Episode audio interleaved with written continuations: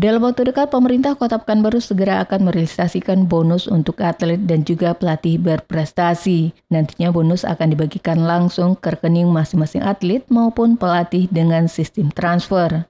PLT Kepala Dispora Kota Pekanbaru, Alik Kurniawan menjelaskan, bonus atlet dengan anggaran sebesar 2,8 miliar rupiah akan diberikan untuk sejumlah event yakni Pekan Olahraga Pelajar Daerah atau POPDA, Pekan Olahraga Provinsi atau Porprov, serta juga National Paralympic Committee atau NPC. Saat ini pencairan bonus atlet masih dalam tahap melengkapi administrasi yang dibutuhkan. Lanjut Alek, untuk penyerahan dilakukan secara non-tunai guna menghindari adanya hal-hal yang tidak diinginkan, seperti adanya pemotongan atau lain sebagainya.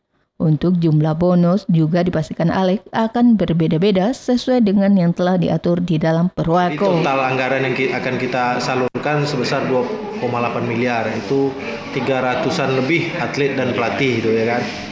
Uh, jadi memang sekarang sedang berproses namanya proses keuangan ini tentu kan ada hal-halnya yang mesti kita siapkan supaya ini nanti jangan jadi uh, maladministrasi lah ya kan? Makanya perlu kita uh, libatkan bersama. Seperti porprov itu kita libatkan KONI untuk memverifikasi atlet-atlet yang uh, berprestasi tersebut. Popda kita Dispora terus terus uh, disabilitas tentu NPC kan? Nasional Paralimpik uh, Komite ya kan? Nah inilah administrasi-administrasi. Tapi uh, sudah hampir rampung lah. Tinggal kita lagi menyiapkan untuk permintaan uh, apanya namanya uangnya ke BPKD. Desi Suryani, Tim Liputan Barabas, melaporkan.